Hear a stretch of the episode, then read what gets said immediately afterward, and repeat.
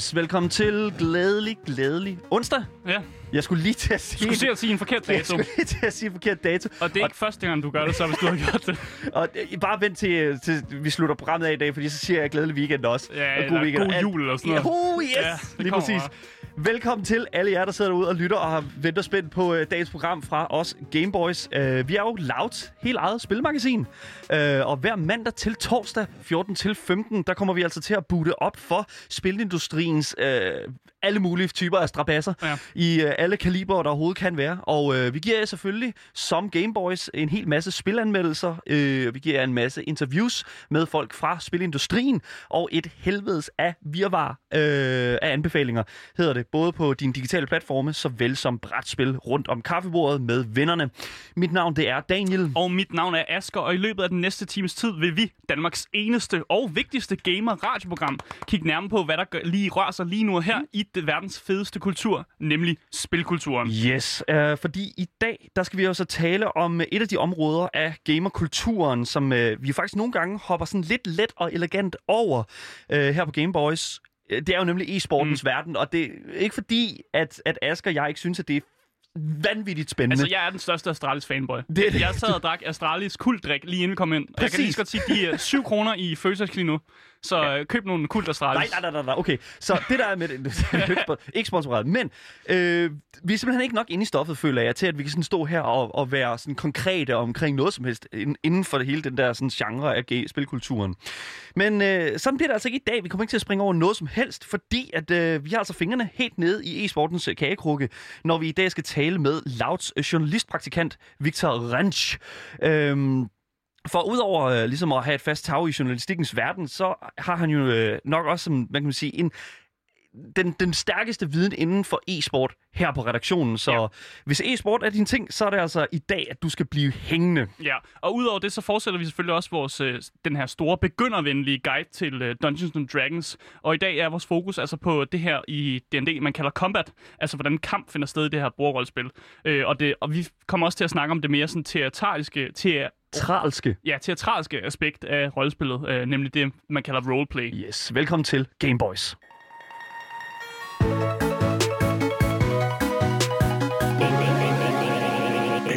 Men først skal vi til nyhederne, og vi starter med den mere sådan seriøse tone i dag. Ja. Fordi Brasiliens præsident, som hedder Jair Bols- Bolsonaro, jeg tror, jeg, jeg håber, jeg udtalte det rigtigt. Det er ham, det synes jeg. Han, er, øh, han har været under en del kritik her for nyligt. Øh, noget med noget regnskov, som er blevet fældet, og, og også noget med nogle coronaepidemi, som ikke er blevet handlet særlig godt. Ja. Øh, og det er selvfølgelig meget vigtigt for folk, men ikke så vigtigt for Gameboys. Nej. Det, der er vigtigt for os, det er, at han øh, på Twitter har begyndt at dele nogle øh, videoer. Ja. Og de her videoer, det viser bare sådan noget um, construction Ja, work. konstruktionsarbejde ja. på, på en havnefront. Nogen, der er i gang med at lægge en masse cement, og øh, ja. Mm. Og det er jo for at vise de projekter, som øh, Bolsonaro, han selvfølgelig lægger en masse sådan funding ind i, øh, altså og, og, og sponsorerer de her bygningsting. Det er klart. Ja. Men det, det, det lidt specielle ved de her videoer, det er, at øh, hvis man har lyd på, øh, så kan man simpelthen høre øh, noget, der kommer lige her.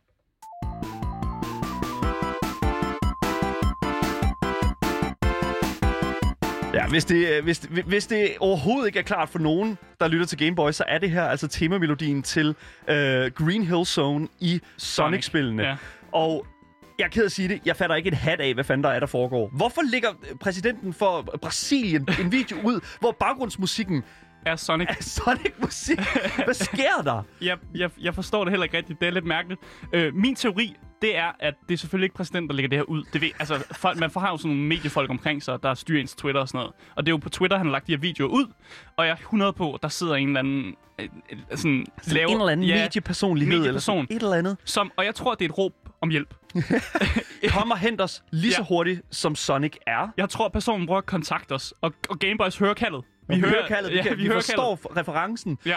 Uh, Green Hill Zone, det er mm. noget med send nogle penge ned. The Green. Ikke? Eller det er måske er det et sådan noget med, at vi skal komme hurtigt, fordi der er sådan Sonic, vi skal hjælpe Skub. dem ret hurtigt. Ja, Det lille, lille, ja, lige præcis. Jeg, altså, jeg har sådan en idé om, at det her, det er... Altså, det er jo en, som, vi, som du sagde før, det er jo en, en, en mediepersonlighed, så Mm. jeg tænker sådan lidt, okay, det er jo fordi, det er jo fordi, at, at enten Er det så er en det, lille fuckfinger til, det... til præsidenten, tror du? ja, enten er det det, eller også er det simpelthen fordi, at præsidenten af Brasilien simpelthen er Er Sonic-fan? den største Sonic-fan, Ja. der overhovedet altså, har gået på, på vores jord. Og det sjove er faktisk, det er heller ikke, det er ikke første gang, det sker. fordi der er et andet tweet, hvor han også har Sonic-musik på, men Ja. det er bare lidt mere deep cut. Ja. Fordi det, det, vi hørte her, det var jo, det meget, meget kendingsmæssigt. Øh, det, der var på den anden, det var sådan en boss, øh, boss fight, som kører på et eller andet tidspunkt i spillet. Det er meget deep cut. Så jeg tænker, ham person, der har lavet det, han tænker, okay, jeg, får ikke, jeg, jeg bliver nødt til lige at kontakte dem, der kun lige kender Sonic på overfladen. Så derfor har han lige lavet en, en version 2 nu, som er det, vi hørte lige før. Og det er bare sådan, hvis du ser det sådan i forbindelse med de der videoer, så er det jo sådan, det er jo bare sådan nogle mennesker, der står og, Og laver sådan noget construction work. Ja, bare, og, du ved, og skyder de der, øh, det der cement, Cement ud, og så står noget, de bare i de der dragte der, ser sådan rimelig sådan, ja, vi er på arbejde, og så er der bare det der fucking gotta go fast. jeg, det er svært, jeg, jeg forstår ikke helt, hvad sådan referencen er, jeg forstår ikke helt, hvorfor at, jeg forstår ikke, hvorfor det her sker. Jeg er glad for, at det sker. Men så også det er igen, også vildt mærkeligt. det er ikke til at finde ud af. Øh, men Det var jo svare til Mette Frederiksen. Hun laver sådan en social, altså, so- socialdemokratisk sådan, vælgervideo, hvor der bare bliver blastet Mario-musik til. Seriøst, det Så sådan Arne skal på pension, Oh, og så kommer der bare masse Mario-musik imens. Det. vi håber sim- simpelthen, at den første nyhed i dag har, har, har øh, kildet jer lige så, lige så godt, som det har kildet os. Jeg kan virkelig godt lide det. Jeg synes, det er fantastisk.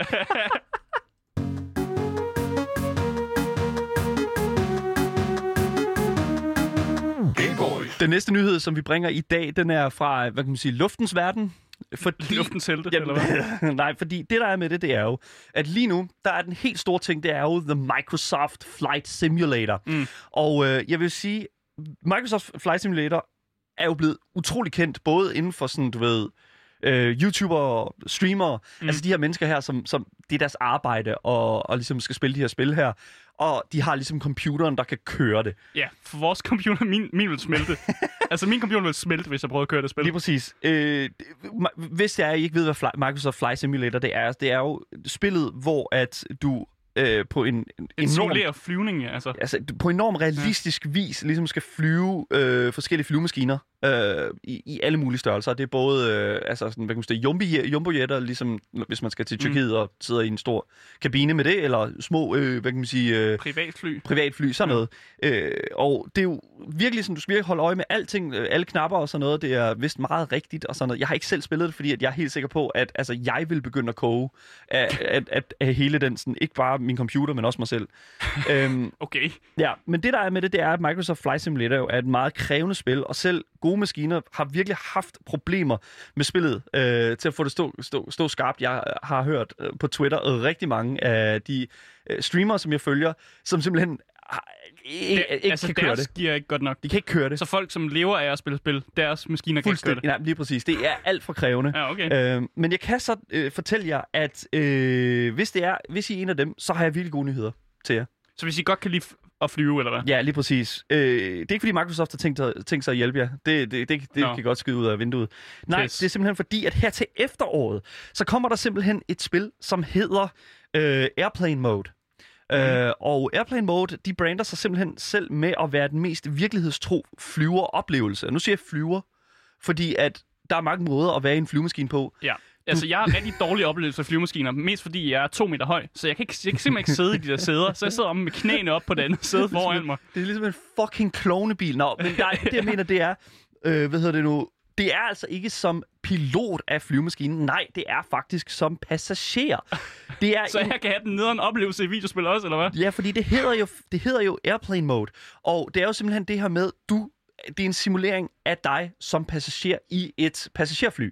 Så øh, det, som øh, Airplane Mode lover, det er realtids flyveture på et sted mellem 6 timer, hvor at du, øh, hvad hedder det, nu skal sidde i den her kæmpe store jumbojet her sammen med en masse andre, øh, ligesom i en, i en normal flyvemaskine, og så flyver du fra, jeg tror det var fra, øh, hvad hedder det nu, John F, øh, JFK, Til Reykjavik. Øh, til Reykjavik, ja. så det er en relativt lang flyvetur. Island. Island, ja, lige præcis. Og så har du også Over en, øh, Atlanten. og ja, og så har du også en to timers flyvetur, som, som jo er lidt kortere, ikke? og nok også den, som jeg tror folk, de, øh, de starter nej, nej, ud med. jeg skal spille den 6 timers lange jo. Jeg skal bare have den nederen. Airplane Mode, de lover simpelthen, det er et spil, der lover, at øh, der er snacks øh, på flyveturen, og reelle måltider, øh, som kommer et sted, selvfølgelig øh, et sted på flyveturen. Mm. Øh, du har håndbagagetaske med papir og pen, som du har mulighed for at interagere med. Mm. Øhm, du har et læselys, som du kan tænde og slukke, i tilfælde af, at der er noget, der skal læses.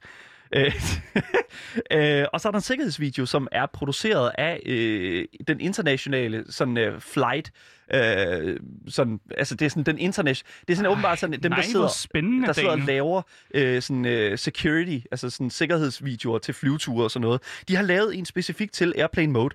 Øhm, og udover det, så er der jo selvfølgelig også den altid gode, øh, det gode element. Det skal jo være helt virkelighedstro, Mm. Asger.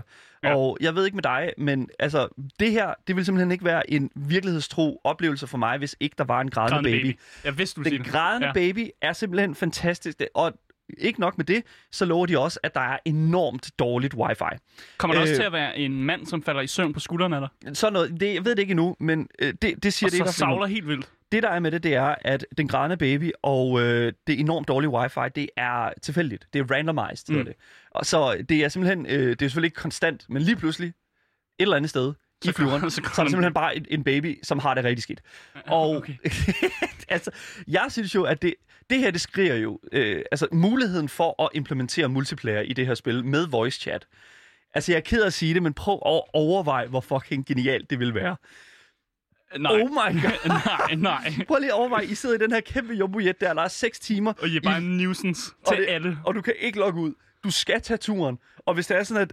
Du kan Nej. ikke lukke ud, eller hvad? Jeg- jeg du, vil- kan, ud- du kan lukke spillet ned, eller Jeg hvad? vil elske det, jeg vil elske det. At den bare tager din computer og bare holder den i sådan... Det er noget med en lobby, tænker jeg, ligesom i, øh, altså, hvor man samler en masse folk. Og Ligesom er i lufthavnen, eller hvad? Man står og venter på at komme ind i flyveren. Og så sidder man sådan, og så sidder man og taler sådan, Nå, hvad så? Hej, hej. Og jeg, man ved, og jeg ved udmærket, jeg har set nok videoer omkring Battle Royales med voice chat og sådan noget til at vide, hvor agtigt, hvordan det vil foregå. Nej. Åh oh, nej, der kommer til at være virtuelle bombetrusler. jeg ved det jeg bare. siger ikke mere. Jeg siger Jeg ikke ved mere. bare, det kommer til at Jeg ske. sagde det ikke, Asger. Jeg sagde det ikke. Men det kan jeg altså forvente her til efteråret, og jeg, altså, altså, jeg glæder mig. Jeg, jeg glæder mig Jeg enormt. frem til det. Hey boys. Du lytter til Gameboys Apparatio Loud med mig, Daniel. Oh my, Asger. Det var dagens nyheder, og jeg håber altså virkelig, at øh, de var lige så gode for jer, som de var for os. Nu skal vi til noget helt andet. Vi skal nemlig snakke om det, som vi luftede lidt for i introduktionen af vores program. Øh, vi skal nemlig tale en lille smule omkring e-sport. Mm. Fordi når man snakker videospil, så kan man jo ikke rigtig ignorere den her professionelle øh, sådan side af mønten. Der er jo en kompetitiv scene til Mm. Ja. nærmest alting, ikke? Det er jo det, det, er jo det samme, sådan, hvis der er, sådan, man taler casual, Mm. øh, så er der jo også en, gerne en kompetitiv Ja, scene til det. Fordi her på Gameboys, der snakker vi jo meget om nye udgivelser, og Ja. meget af det her couch gaming øh, specifikt. Men vi kan godt af og til ligesom glemme den her, det her e-sport, som jo også er mega vigtigt for gaming. Og det er derfor, vi i dag har inviteret Victor Ransk. Jeg håber, jeg siger det Rensch. ordentligt. Tæt på. Det Tæt, tæt på. Okay. Velkommen til programmet, Victor. Tusind tak. Du er journalistisk praktikant her på øh, Radio Loud, men vigtigst af alt, så er du e-sportsfan. Det er fuldstændig korrekt. Det er det vigtigste af det hele, vil Ja, jeg det er sige. det vigtigste. 100 Det procent. er jo derfor, du er med i dag. Yes. Lige præcis. Og øh, vi skal jo have en lille snak med dig omkring, hvad er e-sport, og hvordan i hele hule helvede har man formået at holde øh, en virtuel sport i live i så lang tid, og så endda også under corona. Mm. Øh, men mere konkret, så skal vi jo også snakke lidt omkring et event, som øh, der kommer her meget snart. Og øh, jeg skal bare lige hurtigt, kan du ikke lige prøve hurtigt at introducere, øh, hvad er det for et event? Jo, altså det er jo det, der hedder Red Bull 1 mod 1 verdensmesterskabet i League of Legends, Mm. mm. som kommer til København. Og det skal vi selvfølgelig tale rigtig meget om i løbet af de næste par minutter, men jeg vil faktisk gerne lige hurtigt afspille den trailer, som er lavet til øh, det her event. Det kommer her. Go ahead, 11. Cabin bridge now.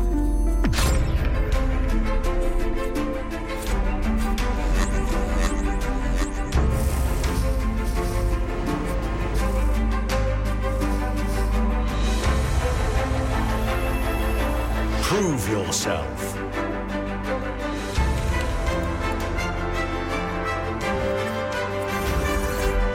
Duel your way to victory. Represent your country. In this 1v1 League of Legends tournament.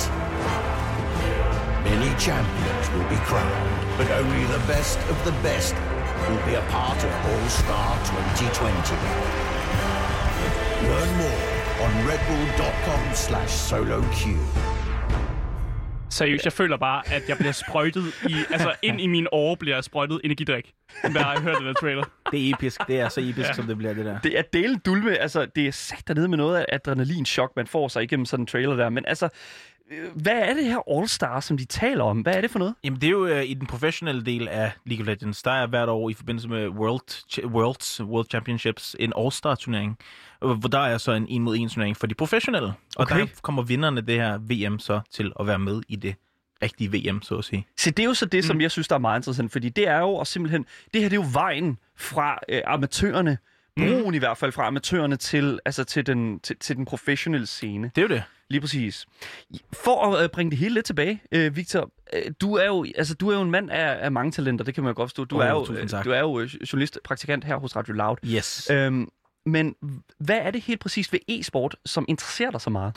Jamen, jeg tror, jeg er typen, der altid har spillet selv, og så på et eller andet tidspunkt, så finder man jo et spil, hvor man lige pludselig går lidt mere op i det, end, end, øh, end ellers. Og for mig var det Counter-Strike helt tilbage i, oh. det må have været 2004-5 stykker, da jeg har været Selvfølgelig. 14-15 år, ikke? Selvfølgelig. Og øh, så begyndte jeg så småt at følge det, og så mistede jeg faktisk lidt kontakten med det, og så mm.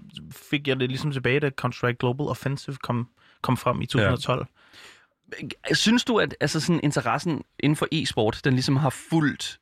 Fordi altså, jeg synes meget, med Mm. mig i hvert fald, at jeg synes, at e-sport var super fedt på et tidspunkt. Mm. Og så lige så stille, så, hvad hedder det nu, øh, kommer der lige, så, så kom der ligesom sådan en, et, et hul imellem, mm. hvor der sådan, at jeg simpelthen bare ikke fattede, hvad fanden der foregik. Mm. Ja. Men kan du sådan, altså, har du altid haft den der sådan dybe interesse for det competitive aspekt af videospil? Øh, nærmest, så længe jeg kan huske, har jeg altid haft øh, sådan en interesse for det. Og så er det, som du siger, der er nogle ting, hvor man lige pludselig går glip af noget, og så tænker man, wow, hvor er jeg henne her i det her? Men, men, øhm, men så længe jeg kan huske, har jeg fulgt med i turneringer øh, og, og sådan det, den professionelle del. Mm. Mere end jeg har gjort nogle gange i singleplayer-delen af, af de her spil. Og det er, det er primært Counter-Strike, du følger med i. Øh, Ja. Men du følger også med i League of Legends, eller hvordan? Ja, for nu er det faktisk næsten øh, flip-floppet, vil jeg sige, for nu følger jeg næsten mere med i League of Legends. Mm. Øh, og, Hvordan kan det være? Jamen, det er fordi... Det er fordi Astralis vinder det hele, jo. Så det, Ja, er lige meget. kedeligt hver år. Kedeligt, kedeligt.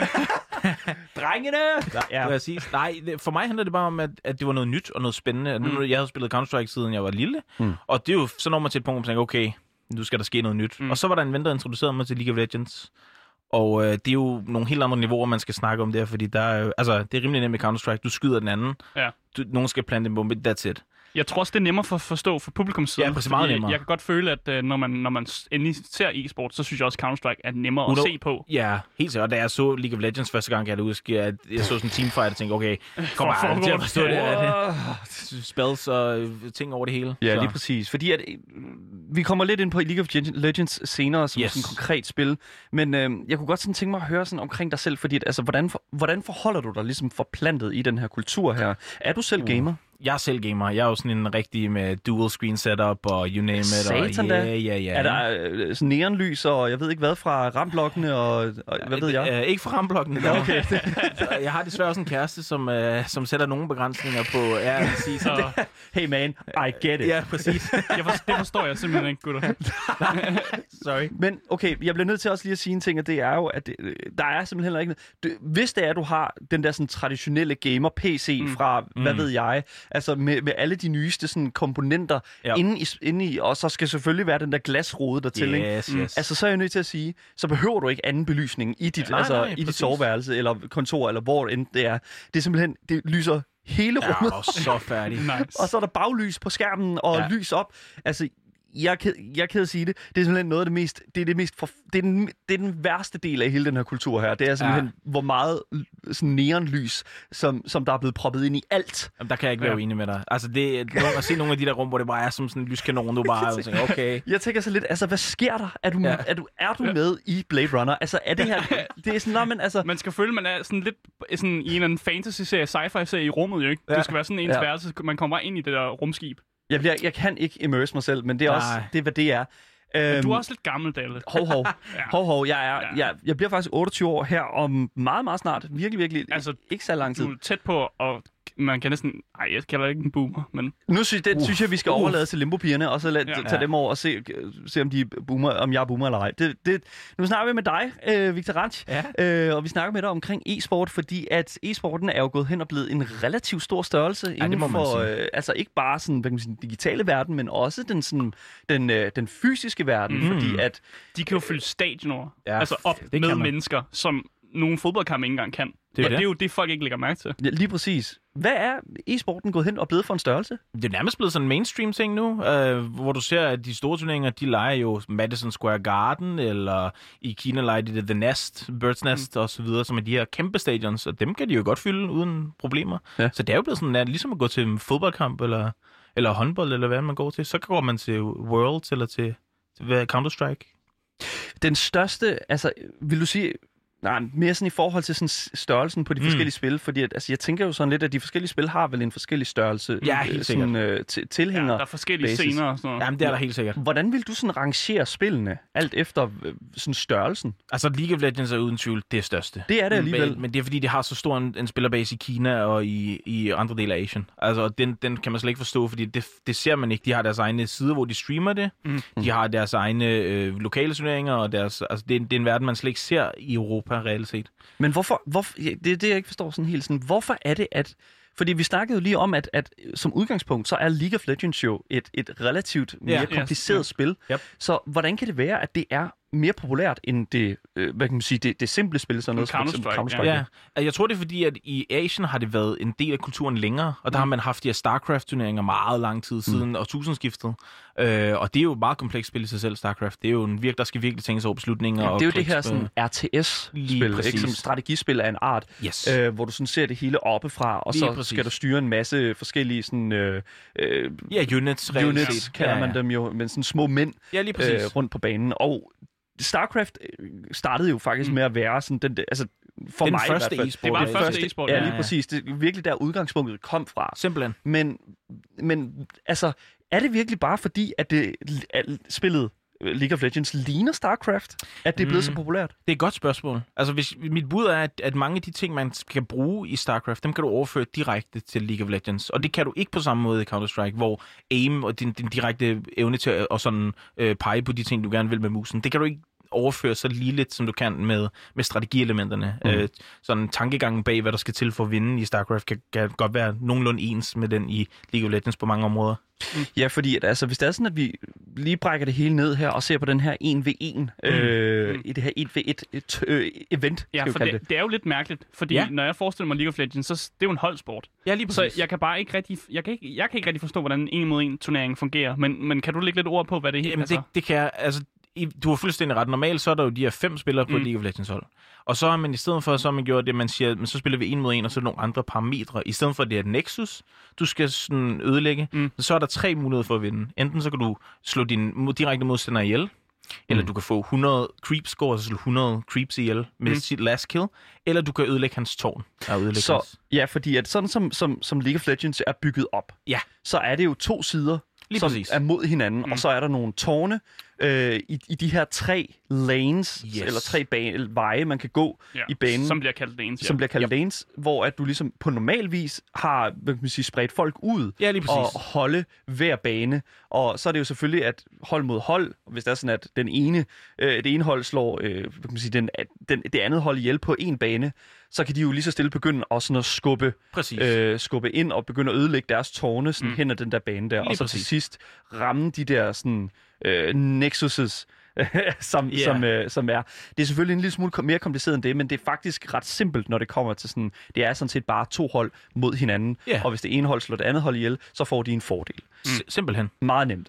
Ja. Øhm, men ud fra det, så er den her 1v1, øh, 1 versus 1, en mod en, øh, Mm. sådan, øh, det her event her, det er jo sådan set bare to spillere, som, som slås mod hinanden, og nu giver du nogle kriterier i forhold Ja. til det her med, mm. sådan at de enten kan slå øh, 100 af, af de her øh, monstre Øh, ihjel, ja. der kommer imod, Ja, øh, ud, ud på den her bane her, Eller slå eller- hinanden ihjel. eller slå hinanden. Selvfølgelig. det direkte. Ja, præcis. Men er det bare et enkelt øh, kill, de skal have?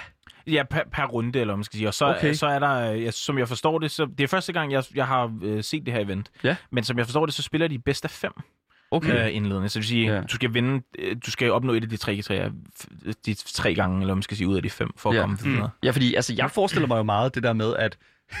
altså, nu har jeg jo spillet en hel del League of Legends i min tid. Yep. Øh, aldrig kompetitivt, og jeg bryder mig virkelig ikke om den kompetitive scene Nej, i Ej, League det er of meget Legends. toxic spil. Ja. Uha. ja, ja, det er altså. Og det er jo også en ting, som jeg også gerne vil snakke en lille smule om, hele sådan, øh, hvad kan man sige, øh, spillerbasen bag yes. League of Legends. Men den kompetitive scene i League of Legends, altså, for mig i hvert fald, er meget præget af det her sådan... Altså, du skal virkelig kende spillet. Mm. Og nu siger du til mig, øh, et kill, det er en runde, og der er bare, Mm. der er bare nødt til at sige, okay, altså, Ja. det, det, min, min, mine runder, de vil være over meget hurtigt. Det virker, når man ser det udefra, så virker det nærmest sådan øh, øh, lidt absurd at tro, at et kill kan betyde det hele. Mm. Men det, man skal tænke på, det er, at de her spillere, der gør det her, de er jo sådan nogle, der har sat sig ind i præcis, hvilket matchup er ude i her. Mm. og Ja. hvad for nogle summoner øh, spells har vedkommende, og you name it. Ja. Mm. Så det vil sige, der er jo en hel videnskab bag at undgå at blive dræbt, så at sige. Det er klart. Og, og, og det er der også i normal play, vil jeg sige. Altså Ja, det, det absolut. normale spil. Men, men alligevel her, der kan du alligevel sådan, hvad kan man sige, trække lidt på dine medspillere. Der er jo, Ja. en, der er jo faktisk nogle forskellige roller i Yes. League of Legends, øh, som er AD carry, som Ja. er en hunter af en art, eller i hvert fald en, en ranged, øh, hvor- altså hvad kan man sige, ranged øh, damage dealer. Ja, lige præcis. De, Ja. de aggressive typer. Ja, lige præcis. Ja. Ja. De, er sådan, de, men de kan, de kan stå et godt stykke Ja. ja. fra. Og så har du support-rollen, øh, rollen, Den som, lade sig selv, ikke? som ligesom giver sig selv med, at, at øh, de ligesom skal hjælpe De giver en support. Ja, lige Ja. præcis. De hjælper, nogle, øh, de hjælper de andre spillere, mm. blandt andet med healing eller skjolde eller øh, positioning og den slags. Øh, og så er der tank-rollen, som er Big boys. igen big boy, altså har meget HP, øh, liv, meget armor. Alle man skubber fremad. Ja, lige præcis. Dem der, dem, der går i fronten. Mm. Øh, og, og så har du jo også den her jungler. Yes. Og jungleren er jo den der sådan, øh, type, som, mm. den der spiller, som På går dansk rundt... jonglør, ikke? Nej. det er den rolle, som render rundt ude i skoven, der er imellem de her baner her. Yes. Og øh, det er dem, som du ligesom kan trække lidt hjælp fra oftest, med, hvis det er sådan, at du har et problem i din øh, banehalvdel. Simpelthen. Så kan du ligesom få dem op og til at hjælpe dig. Men de er altså fuldstændig ud, skåret fra væk. alt det her. Mm. Men jeg synes faktisk, det er meget interessant. Hvorfor er det, man laver en 1v1, øh, altså øh, Ja. et, et 1v1 tournament på den her måde? Jamen det, jeg tror, det kommer efter, man har haft det til All-Stars, hvor det har været sådan en øh, nærmest for sjov tournament. Mm. Fordi, som du siger, der er jo væsentligt stor forskel på, hvad man skal kunne i de forskellige roller. Og derfor så er det jo også sådan lidt at sætte et mismatch, hvis man sætter en supportspiller op, som generelt ikke er lige så øh, mekanisk krævende som midlaner eller AD Carry er, for eksempel. Øhm, så, så jeg tror, det er for at finde, som du siger, nye talenter for det første, og også fordi det er en mulighed, som du selv siger, mm. for at, at hive nogle amatører ind, og så kan de få lov til at, at vise, hvad de kan, og måske mm. øh, lave lidt, øh, lidt ravage på den vej. Ja, for det fede ved turneringen, det er jo, at alle kan tilmelde sig. Ja, altså, der er ikke nogen rigtige krav andet, end du selvfølgelig skal være gammel nok, og du skal have et dansk pas for at kunne være med i en dansk turnering. Vigtigt. Ja. Men ellers er der ikke nogen krav. Du kan egentlig bare være med, og så kan du egentlig bare altså, ryge til stjernene, hvis du er Ja. god nok egentlig. Simpelthen. Hvor tilmelder man sig henne? På deres øh, hjemmeside, som har et meget langt navn, som jeg ikke kan huske. Ja, jeg du, altså, kan- jeg var inde på Red Bulls hjemmeside, og Okay, så fra. Red Ja. Bulls hjemmeside, så kan man lidt Der er komme derind. derinde. Okay, fair enough. Det er til alle jer, der sidder derude og tænker, jeg kan altså godt gå, stå distancen og øh, Så er komme det bare op. ind, ind og tilmelde jer. Alle kan kla- gøre det, og det er simpelthen, det ser ud som om, at det jo er... Hvis man er gammel nok. Ja, hvis man er Ja, gammel nok. sige. Det er jo gammel nok. Men det, sådan er det med, med, med alt det her jo. Altså, ja. Men jeg kunne godt tænke mig at høre dig, øh, Vita Ranch, Yes. øh, e-sports ekspert her på Gameboys. Det er du blevet nu i hvert Det fald. er du i hvert fald nu, vi dig. Øh, hvordan kan det være, øh, at e-sporten ligesom har... Hvordan har e-sporten klaret sig under corona? Altså, hvordan øh, kan den, er den i live? Den er faktisk i live. Det har jo været en af de få brancher, hvor man kan sige meget, det kan jo gøres online. Og som du altså, vi kan jo ikke fylde stadions under corona. Det, det giver sig selv. Mm. Øhm, men det, man har gjort, det er, at man har flyttet det hele online, som jo er sådan, det, det startede dengang, at, øh, at man lavede online leagues.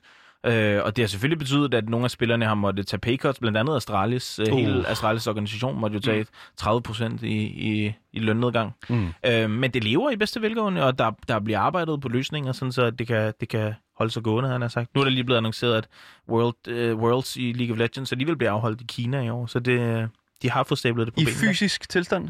Det er så spørgsmålet. De har ikke meldt nærmere ud om præcis, hvordan det skal foregå Nej. nu. Men, men rygte går på, at det bliver ligesom en boble, ligesom i, man har set i basketball, hvor Ja. de simpelthen bliver sat ind i sådan en boble, og så bliver du sendt derind en måned, og så... Øh, Kan du ikke rigtig komme ud og interagere med omverdenen, så med du er... Præcis. Wow, okay. Ja. ja, det tror jeg måske ikke, at det...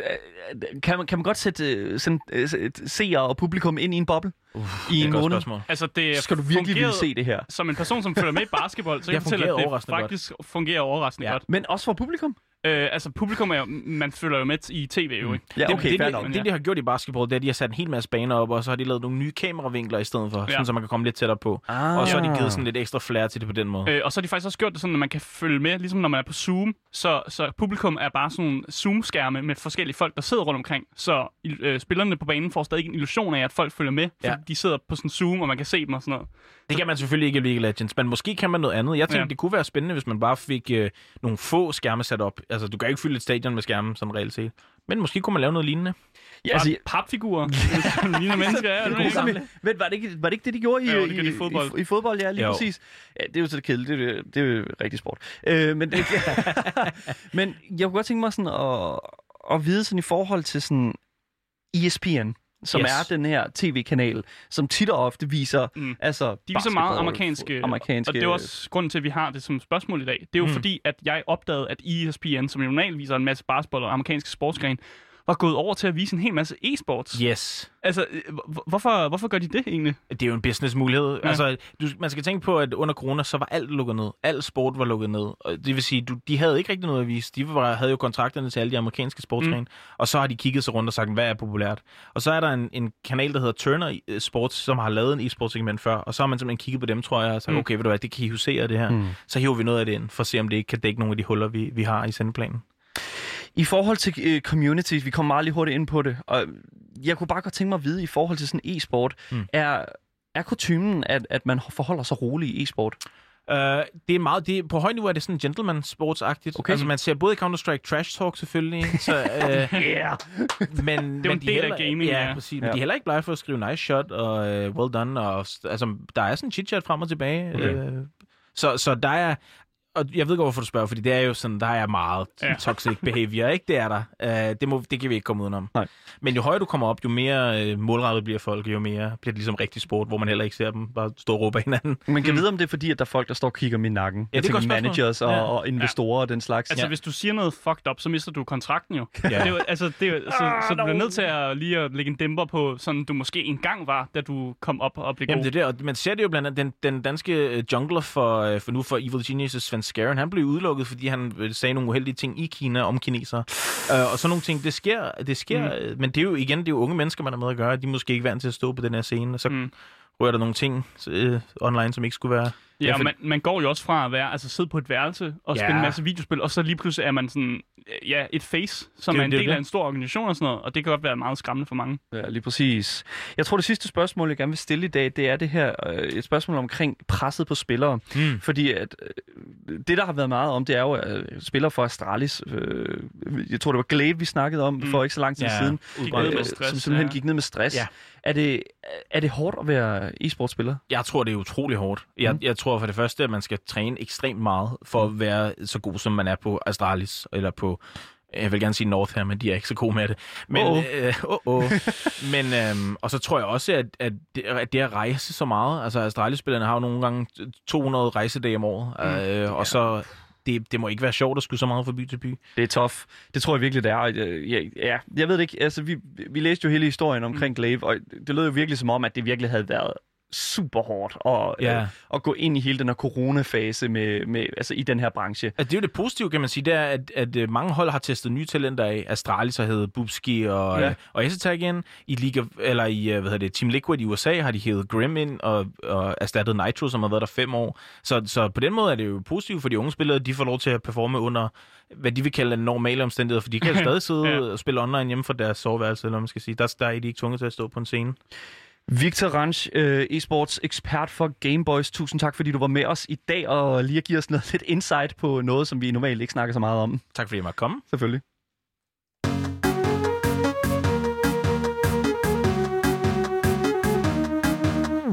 Ja, du lytter jo til Gameboys her på Radio Loud med mig, Daniel. Og mig, Asker. Øh, og normalt så kører vi jo det her lille øh, det ved ikke, serie, hvor vi snakker om øh, Dungeons og Dragons. Ja, begynder guide.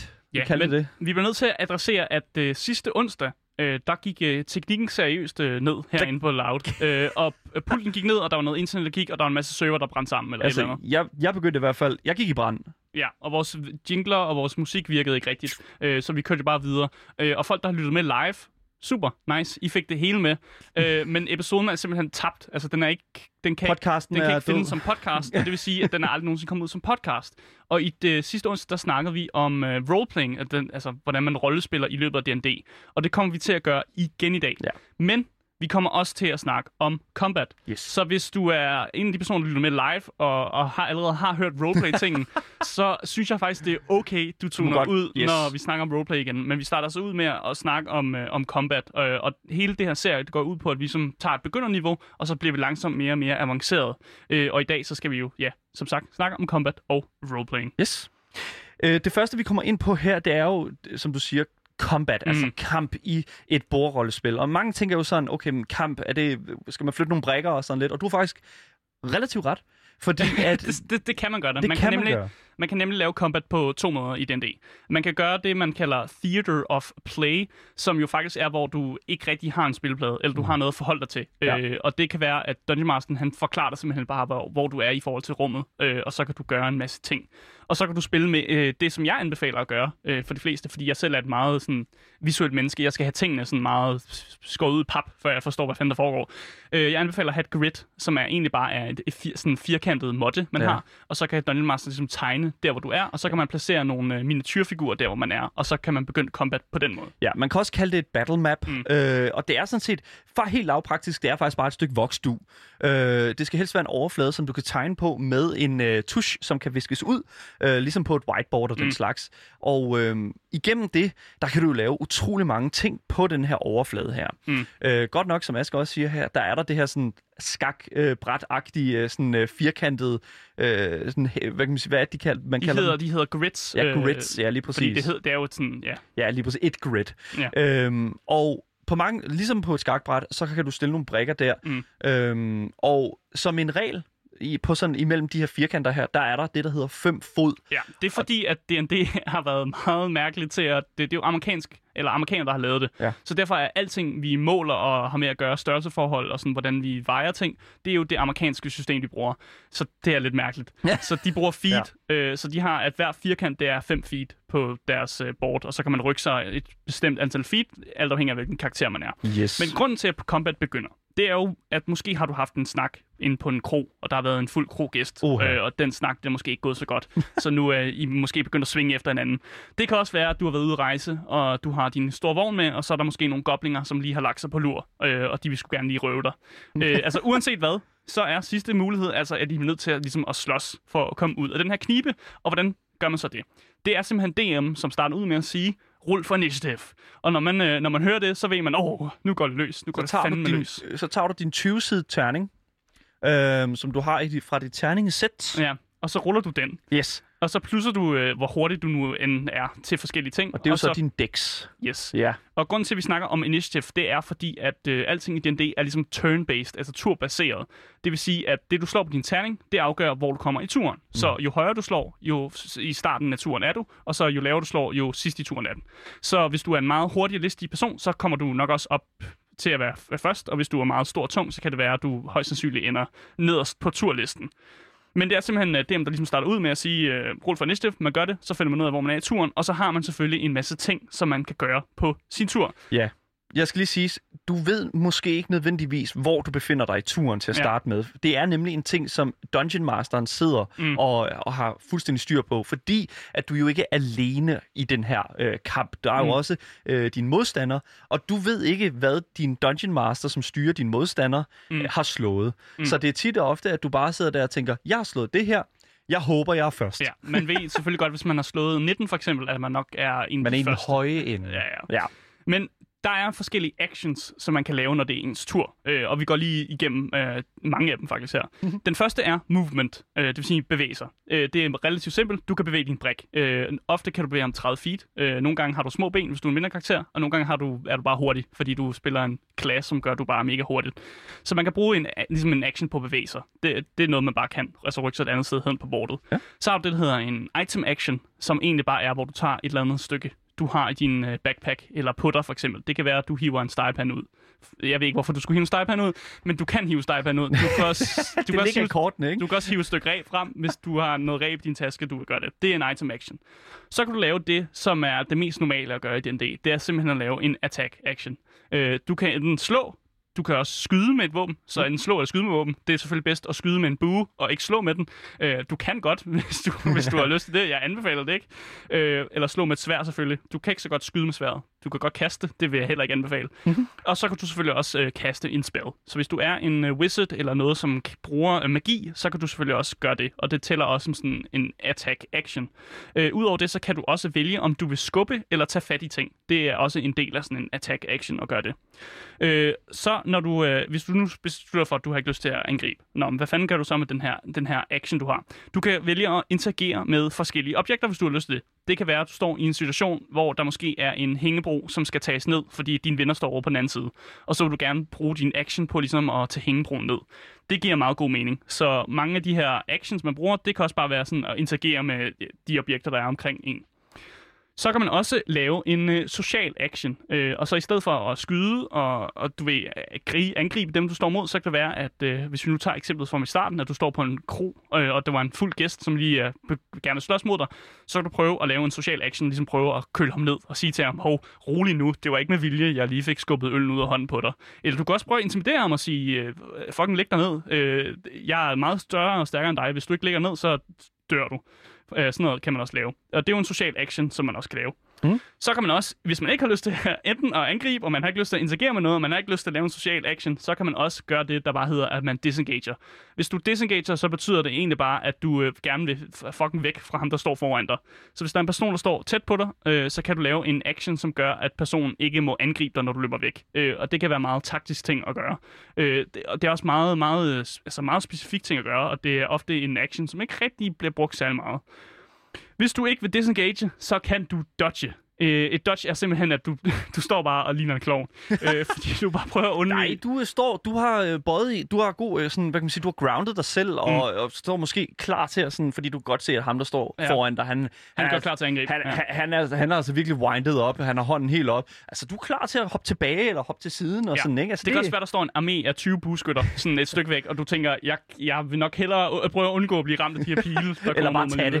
Ja, det kan jeg ikke anbefale. Nej. Men simpelthen bare at, at lave det, der hedder dodge, som gør, at øh, spilleren, der så angriber dig, har lidt svært ved at ramme dig. De får det, der hedder disadvantage, som mm. også er en meget øh, nørdet ting. Jeg ved ikke, om, om jeg skal gå i detalje med, hvad disadvantage er. Ja, for det er sådan, du ruller to terninger, Ja, og så og så det tal, du tager, to det 20'ere, skal lige siges, to Mm. 20 side terninger, og så tager du det laveste. Det er disadvantage. Mm. Modsat så er der advantage, som er, Yes. to, som er det modsatte. Du tager det højeste tal i stedet for. Så er der min yndlingsaction, som overhovedet findes i spillet. Det er det, der hedder en bonus action. Og en bonus action, den afhænger meget af, hvad for en øh, klasse du spiller, altså hvad du spiller i D&D. Ja. Hvis du for eksempel spiller en bard, en der spiller musik, så kan din bonus action være at give noget inspiration. Altså spille på dit øh, instrument og være sådan lidt, åh, oh, fuck, I seje gutter. Mhm. øh, og så får de andre sådan en, en terning ekstra, de kan slå med. Øh, du kan selvfølgelig også være en paladin, og så i stedet for at, øh, at spille musik, så putter du måske det, der hedder et smite på dit svær. Sådan Mm. en, en magi, som gør, at det, du slår endnu mere øh, hurtigere. Ja, det er noget, du ligesom... ja. Altså, det er jo noget, du ligesom... Fordi hele ideen med øh, din tur, det er, at den ligger et sted mellem altså 6 sekunder. Mm. Mm. Det, det ligger omkring 6 sekunder. Ja. Og, en, og en action fylder oftest de her 6 sekunder. Mm. Men nogle gange, så kan du altså din karakter kan jo være så dygtig til det, han eller hun laver, at at det måske ikke tager 6 sekunder. Mm. Så det er sådan det, der er ideen med en bonus action. Det er en, mm. en action, der ligger ved siden af din handling. Yes, præcis. Noget, du har det mere tror jeg, tid til det. den bedste måde at, at, Ja. at forklare det på. øh, når man spiller, øh, og man begynder at angribe hinanden, så har man noget, der hedder øh, AC. Og en Ja. AC er egentlig bare, hvad type armor du har på. Armor class Yes, står det er det, det for. står for. Ja. Øh, og det betyder egentlig bare, at når du slår med din terning, så skal du øh, slå højere end øh, modspillerens AC, ja. Eller monsterets AC, altså deres armor class. Mm. Og det har jo noget at gøre med, hvilken type armor de er på. For eksempel, hvis du er en stor paladin, så har du højst sandsynligt en stor armor class, fordi du har en kæmpe stort armor på, Og en rustning. Kæmpe rustning. Kæmpe rustning ja. På. Hvis du er en wizard, så har du ikke så meget rustning på, fordi det er sgu lidt svært at kaste, kaste magier med sådan en stor rustning på. Men det kan også være, at du har en magi, som gør, at du får mere AC, nemlig en, den, den magi, der hedder Shield. Bare Mm. lige et uh, shout-out til Shield. Hell yeah. En god spil. Fungerer godt. Også Øh, mage armor for den sags skyld. Ja, lige præcis. Øh, alt det her, altså både våben og, og armor og den Mm. slags, det kan du altså finde i øh, det, der hedder kapi- kapitel 5 i mm. Player Handbook, der hedder Equipment. Øh, der kan du både finde øh, definitionen på våben, Mm. mm. øh, og hvis I skal bruge et sidetal, så kan jeg også øh, 146. Åh, oh, hvor du nice, Daniel. Bare lige give sidetal så kan I lige bladre om der, fordi det er altså øh, det er altså virkelig svært at følge med. Det anerkender vi, når vi står Mm. og forklarer her i alle de her ting her. Nogle har altså nemmere ved at Ja. læse det, Mm. og bare lige for at sige, den øh, spillerhåndbogen, den ligger altså gratis derude. Du skal bare søge på Google D&D 5e Ja. Players Handbook. Og så kan du altså finde alle våbnene, hvad de giver skade og sådan noget. Fordi det, der ja. Er med D&D, det er jo, at når du har slået over den her AC, som du skal komme over, så må du få lov at give skade, og det afhænger af det våben, du har, som Daniel ja. får salgt. Hvis du har et større våben, så giver du selvfølgelig mere skade. Mm. Og hvis du er en, en, kaster en kæmpe spell, som giver mere skade, så giver du også mere skade, når du rammer. Ja, lige præcis. Hvis det er, at alt det her combat her, det lyder en lille smule mærkeligt, og wow, ikke? Ja. så tag den med ro. Det er, I kan nemlig slå mm. Mm. op på kapitel 9 i Players Handbook, og det er altså side 189, hvor at alt det her, vi lige stået og snakket om, det står Mm. altså meget bedre beskrevet. Bare for at sige det. Jeg synes, vi skal gå videre. Jeg synes, Ja. vi kan gå videre til den anden del af hele den her, af den her guide her, nemlig. Mm. Øh, og det er absolut min yndlingsdel af alt, der handler om D&D. Roleplaying. Roleplay. Ja. For man kan jo ikke rigtig have combat uden at have roleplay. Øh, Nej. Eller jo, man Ja. kan godt, men det er nok ikke så sjovt at spille. Det udspringer jo, altså kamp udspringer mm. jo tit af, at der er nogen, der har fortalt sig. Ja, eller, eller altså, der, altså, du har en konflikt, som så optrapper, og så bliver det til combat til Ja. sidst. Og det er jo det fede ved D&D, at det har det her sådan, dualisme i, at altså, du, kan ikke, du slås ikke bare hele tiden, og der er ligesom en grund til, at du slås. Ja. Øh, enten det, fordi du har gjort noget rigtig dumt. Og det er her, hvor jeg ja. føler, at, at brætspillet, Dungeons and Dragons, bliver til, øh, hvad kan man sige, Meget en impro-teateret Mm. Dungeons Dragons. Fordi det er altså, fordi at her i combat, der er du jo selvfølgelig stadig din karakter, men der tager du mere beslutningerne mm. på et mere taktisk plan, hvor at, øh, ja, i hvert fald som jeg, øh, når jeg spiller Dungeons and Dragons og rollespiller, Ja. ja. øh, så vil jeg sige, øh, først og fremmest, jeg forholder mig altid meget sådan, altså engageret. Mm. Altså, jeg, jeg kan godt lide at øh, påtage mig rollen som min karakter. Mm. Mm. Lave en lille stemme måske, eller øh, Mm. hvad kan man sige, øh, påtage, påtage mig nogle af de sådan... Prøv sådan at sætte mig ind i den tankegang, mm. som min karakter har. Mm. Øh, Det er, fedt, det er fedt, du siger det, Ja, men præcis. jeg anbefaler også bare, at når man sætter sig ned, og man skal i gang med at spille D&D, så lav nogle regler for, hvordan i roleplayer, Ja, i gruppen. Ja, fordi ja. at der kan være folk, der er mega engageret, ligesom Daniel, som siger, at han vil gerne lave stemmer, han Ja. vil gerne være der. Men hvis folk, øh, hvis de andre spillere, du spiller med, måske ikke er på samme, altså de er måske ikke helt så ja, entusiastiske omkring at lave de her stemmer, så, så put det lidt ned, skru lidt ned ja. For det.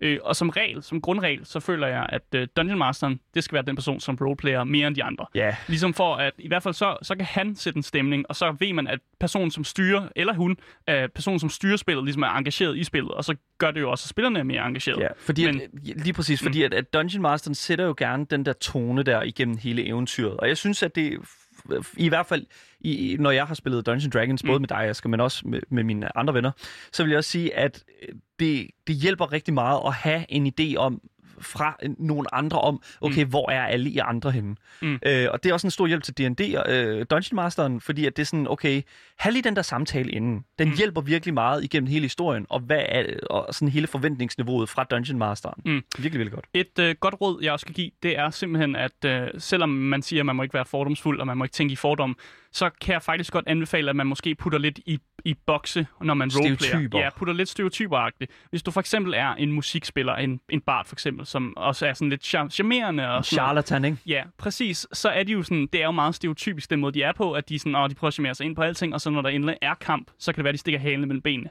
altså, det er okay at være stereotypisk, fordi det, giver, det, det er bare fedt at roleplay på en eller anden måde. Ja. Øh, og så selvfølgelig lade være med at tage den, de nederen fordomme og sådan nogle ting, men bare, bare holde jer til de, de ting, som kan skabe en god karakter. Og så kan det også være en idé, at det, den her stereotypiske ting, måske er den ting, som udvikler sig i historien. Og mm. man går fra at være den her øh, bart musikspiller, som måske er lidt bange, når de kommer i kamp, men så langsomt, så bliver man lidt bedre, mere heldigmodig, og så på den måde har man den udvikling. Og det er jo også virkelig fedt, når man roleplayer, at man Ja. kan se, at ens karakter faktisk øh, går i gang, eller går igennem sådan en, øh, en udvikling. Ja, Og det er også en, faktisk en ting, som jeg gerne vil pointere over for vores kære, fiktive øh, Dungeon Master i den gruppe, som vi taler om. Mm. Øhm, det der med at, at ligesom at altså, hvis det er, fordi at hvis det er, at vi snakker for eksempel øh, det her, vi snakkede om i øh, sidste episode, det her homebrewing, Mm. øh, jeg tror faktisk, det var første episode. Det var et tid siden, ja. ja. To, første episode. Der snakkede vi jo meget omkring det her med homebrewing, og man laver sin egen historie. Mm. Og hvis man skal lave sin egen historie, så er, kan jeg stærkt anbefale i rollespilssegmentet af, øh, eller i Mm. hvert fald elementet af hele sådan, din historie, læg nogle karakterer der, som du selvfølgelig er komfortabel med at rollespille som, Mm. men prøv at se, om du ikke kan placere en lille smule karakterudvikling midt i historiens Mm. sted. Fordi det er virkelig som spiller interessant at se øh, udviklingen i en anden, i, i, selvom, selvom den er fiktiv, den person mm. eller ej, øh, så er det bare interessant som spiller at se ske, altså se ud øh, historien mm. påtage sig en, en meget mere øh, virkelighedstro form. Nu bliver det virkelig, virkelig... Altså, nu, Men, nu kommer vi dybt. Jamen, det er også fint, at vi er Ja. et stykke inde i vores D&D-guide, så nu er vi, Ja, nu- er vi lidt nede i, i nørdguldet, hvis man Ja, kan sige lige sådan. præcis. Men en ting, som jeg også vil komme ind på, det er jo, at øh, når du er i combat og sådan noget, og du slås mod ting, så er du let nok at slås mod en goblin. Den, er, altså, den vil have dit guld og sådan noget, så slår man den ihjel. Men nogle Bum. gange kan tingene godt være lidt mere moralske øh, komplekse. Og det er derfor, at i øh, D&D så bruger man det her system, som er sådan et øh, moralsk kompas, kalder jeg den danske oversættelse for alignment. Øh, og det er simpelthen, hvordan din karakter, altså moralsk set, sådan, kan kigge på nogle ting, og man har nogle forskellige, øh, nogle forskellige sådan, diagrammer, man kan putte sig selv ind i. Mm. Øh, man kan være chaotic, eller man kan være lawful. Man kan være evil, eller man kan være good. Og så kan man også være neutral. Og ofte så kan man så mixe dem, som man lige har lyst til. Så du kan for eksempel godt være chaotic good, eller øh, lawful evil, hvis du har lyst til det. Men hvad betyder, hvad betyder, Hvad så betyder alt de det her ting? Asger? Hvis du er øh, kaotisk, så er regler, det er sådan en ting, som er sådan et, hvad fanden er regler? Det, det, det går man ikke så meget op i. Det er måske, altså, man kan måske godt altså, kende forskel på rigtigt og forkert. Det kommer an på, om du ligger chaotic good eller chaotic evil. Ja, eller Øh, chaotic en neutral, neutral, og så ja. er man lidt mere på gefylen, Ja. øh, hvad der nu, ja, hvad der nu. Så er man meget egoistisk, vil jeg sige. Ja, men, ja, lige præcis. Men ja, altså, og alt det her, det står selvfølgelig også i Players Handbook. Mm. Mm. Øh, jeg tror, det er under kapitel 4. Og det, som der er med det, det er, at i, min anbefaling til dig som ny spiller, hvis du skal lave en karakter, det er at placere dig et sted i den neutrale zone, fordi et, Mm. mm. det er så meget nemmere at rollespille som, og to, det, du, du skal ikke rigtig deale med så mange regler Mm. altid. Øh, jeg plejer tit at lægge mig selv i chaotic neutral, Det er fordi, du er en rigtig skiderik, kan jeg fortælle. jeg kan godt lide at være en lille smule drilsk, Ja. og øh, det er tit der, at man sådan finder øh, hvis man, vil sådan være drilske rigtig, typer. hvis man vil være rigtig på god fod med Dungeon Master, så kan man også vælge at være lawful good. Fordi så passer de fleste sådan, øh, plot, øh, altså de plot, der kommer til at være i historien, det passer perfekt. Fordi man er bare sådan, ah, hjælp mig med at få rotterne ud af kælderen. Og hvis man allerede er en, altså, en, altså en, der følger reglene, altså er lawful, altså man følger reglerne til punkt og prikke, man er virkelig Ja. sådan, øh, øh, jamen, man er næsten Den er nem at tage den beslutning. Ja, ikke? og good, så er man godhjertet. Så Ja. man har let ved at ligesom sige, ja, selvfølgelig gammel dame, jeg skal nok hjælpe dig med at få rotterne op af kælderen. Jeg kendt, jeg, yes, Så bliver Dungeon Master sådan, nice, godt nice. På. sådan der. Ja, det, det, og der vil jeg så bare sige, at det er selvfølgelig fuldt op til dig, mm. men jeg vil også anbefale, at når du laver din karakter, så prøv at se, om du ikke kan ramme øh, din, din egen personlighed Mm. mm. øh, en lille smule. Ja. Og der vil jeg sådan måske, der vil jeg måske gå ud og kigge sådan lidt på, okay, øh, jeg kan godt lide at følge regler, men det kunne også være lidt sjovt. Altså, og til kan jeg godt lide at være en lille smule drilsk. Nu taler jeg jo om Mm. mm. mig selv, ikke? Og der vil jeg så bare Er sige... du ikke altid drilsk? Jo, men det er sådan, der, og så har jeg placeret mig selv i sådan den kaotiske del af det. Og det er sådan, kig ind i dig selv, men hvis det er, at du føler, at det her det er en lille smule svært, så vil jeg faktisk anbefale dig at kigge på den baggrund, som din karakter har taget. Ja, for ofte så ligger det lidt op af det. For eksempel ja. hvis du spiller en rogue, sådan en lidt kriminel type, så kan man godt være lidt mere på den kaotiske side. Øh, Jeg vil nok fraråde, at folk altid vælger evil, fordi mm. det er bare svært at spille en ond karakter. Mest fordi, hvis alle de andre, man spiller sammen med, ikke er onde, så kan man godt have sådan en clash, hvor man måske begynder at angribe hinanden, og det, det er sgu ikke det fedeste, jeg sidder og have, at have med at gøre. Ah, det ved jeg nu ikke, om jeg synes er rigtigt. Jeg synes, det er faktisk okay helt Man kan godt få det til at virke, men man man skal det. være den rigtige støbning for at kunne få det til at fungere, vil jeg sige. Ja, lige præcis. Øhm, en, ting, en anden ting, som jeg også synes, det er, altså, alt vi har talt om for inden i den her guide jo, det Mm. er jo sådan, hvad kan man sige, karakteropbygning, så Mm. hvad for en race du er, og hvad for en, en profession du har, og sådan noget. Og meget af det, det bliver også lagt op, og det er jo ting, som, som du kan Mm. bruge igennem dit Ja. rollespil. Find, også find inspiration fra nettet. Der er folk, der har virkelig gode uh, D&D-karakterer, og man kan takken, sagtens tage et virkelig, altså virkelig menneske i verden og nedsætte det til en karakter. Ja. En ting, som jeg har gjort, for eksempel. Lige præcis. Uh, jeg har taget uh, wrestleren John uh, Cena, og så har jeg simpelthen lavet en wrestler også i D&D, og som har stort set samme personlighed. Det er meget nemt at sætte det op på den måde. Øh, det her, det konkluderer jo selvfølgelig vores øh, begynder-guide på Mm. Dungeons and Dragons, og det kan godt være, at vi vender tilbage igen og gør det en lille smule mere, øh, hvad, hvad, hvad kalder man det? Uddybende. Ja, ikke? lidt mere uddybende, ja. Hvis vi siger, at det her det var level 1, så kan det være, at der kommer noget level 2, Mm. for der er stadig utroligt meget mere at snakke om, når vi har med øh, Dungeons Dragons at gøre.